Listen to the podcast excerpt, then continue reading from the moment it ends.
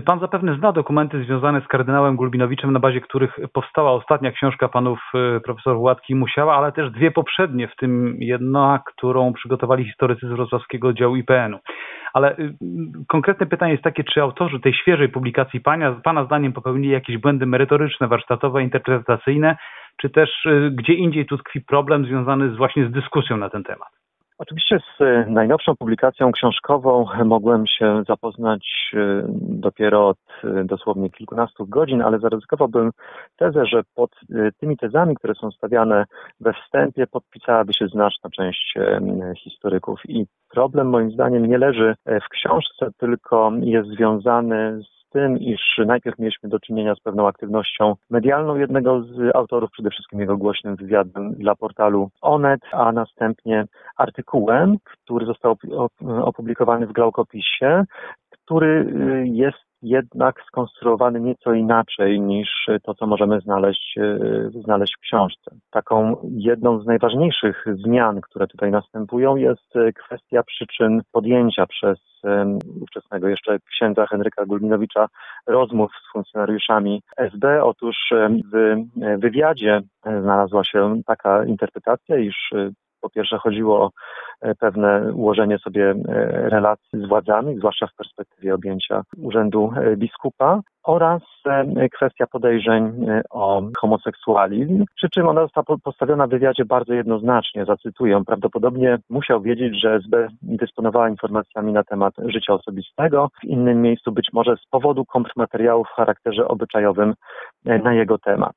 I już w artykule autor w znacznie bardziej zdystansowany sposób to traktuje, e, ponieważ e, w przypisie dodaje, że funkcjonariusze nie podejmowali tego tematu, by nie zrażać rozmówcy i co więcej SB dążyła do potwierdzenia tych informacji i brak jakiejkolwiek e, informacji, żeby te dane zostały potwierdzone. Natomiast w książce mamy trzecią wersję, która zaczyna się wręcz od słów pytaniem otwartym pozostaje.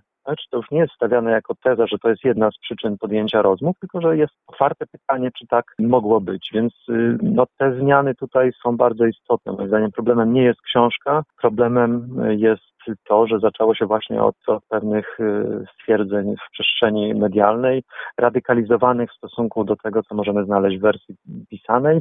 No i jak widać, główny autor, czyli pan profesor Łatka, też trochę jednak zmienia zdanie, y, skoro w, w kolejnych wersjach y, łagodzi jakby tutaj, czy bardziej niuansuje swoje podejście. Pozwoli pan, że ja się teraz odniosę do mm, fragmentu tego, o czym rozmawiałem z panem profesorem Włodzimierzem Suleją, który zarzuca autorom nowej książki o byłym wrocławskim arcybiskupie daleko idące nadinterpretacje w analizowaniu dokumentów, a zwłaszcza w tym, co mówią, no właśnie to, o czym pan powiedział, na jej temat w mediach. Zresztą podobnie jak inni historycy, którzy włączyli się do tej dyskusji, na przykład pan profesor Sławomir Cęckiewicz, to akurat jest w domyśle wypowiedzi pana profesora Sulei, ale co pan o tym sądzi? Myślę, że to jest bardzo istotna kwestia, aczkolwiek podkreślę jeszcze raz, że mm, moim zdaniem ten wstęp do książki jest najbardziej zrównoważoną tutaj jakby wersją, wersją tej historii, najpełniejszą. Też jakby, co jest ważne, dopiero we wstępie do książki pojawia się zarysowany kontekst. Bardzo krótko, ale jest jednak pewien kontekst, który związany jest nie tylko z jakby z innymi aspektami publicznej działalności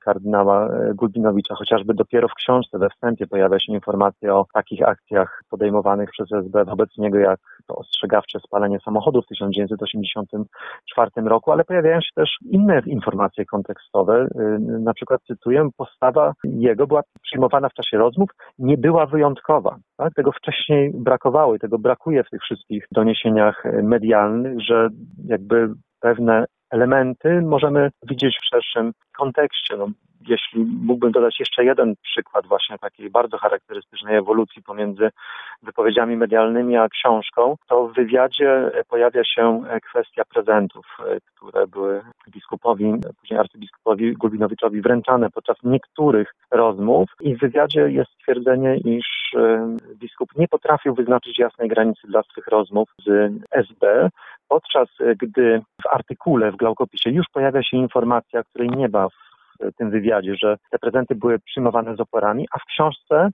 autor idzie jeszcze o krok dalej e, opisując, że była pewna świadoma taktyka oficera SB, który starał się tak wręczyć ten prezent, żeby utrudnić jego przyjęcie. Tak więc to jest moim zdaniem bardzo poważny problem, już nie tylko powiedziałbym pewnej metodologii badań naukowych, e, ale też pewien problem natury etycznej. O jeszcze jedną rzecz chcę pana krótko zapytać. Pan profesor Cęckiewicz twierdzi, że w Polsce nie ma przyzwolenia na mówienie o historii, o ważnych postaciach do końca, zgodnie z prawdą. W takim razie, czy i dlaczego w naszej tej historii nie można pisać o człowieku we wszystkich odcieniach, można jedynie albo w czerni, albo w bieli, w bieli, a więc tak jak tutaj, czy ktoś był bohaterem, czy zdrajcą?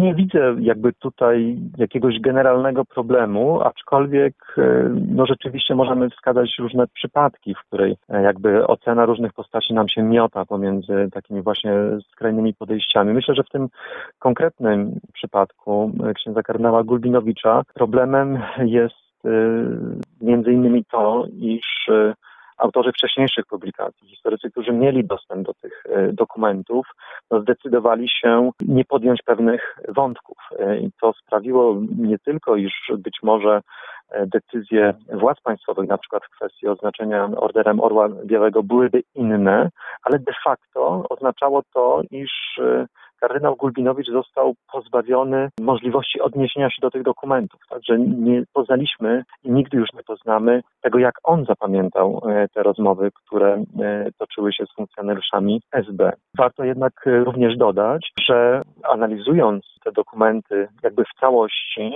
rzeczywiście widzimy taki obraz bardziej kompletny człowieka, pełni y, podejmowanych przez niego decyzji, w tym także błędów. I tutaj należy się zgodzić y, z y, tymi osobami, które obecnie krytykują kardynała Gulbinowicza, że niewątpliwie on popełniał w czasie tych rozmów pewne istotne błędy, jak na przykład zgadzając się na spotkania na terenie willi MSW. Także zdarzało mu się przekroczyć pewne, pewne granice podczas tych rozmów i o tych rzeczach powinniśmy swobodnie dyskutować, ale widząc je całości. Tak? Czyli widząc też na przykład, e, że w trakcie tych rozmów jednak e, jakieś próby ograniczenia ich tematyki kardynał Gulbinowicz podejmował. Tak?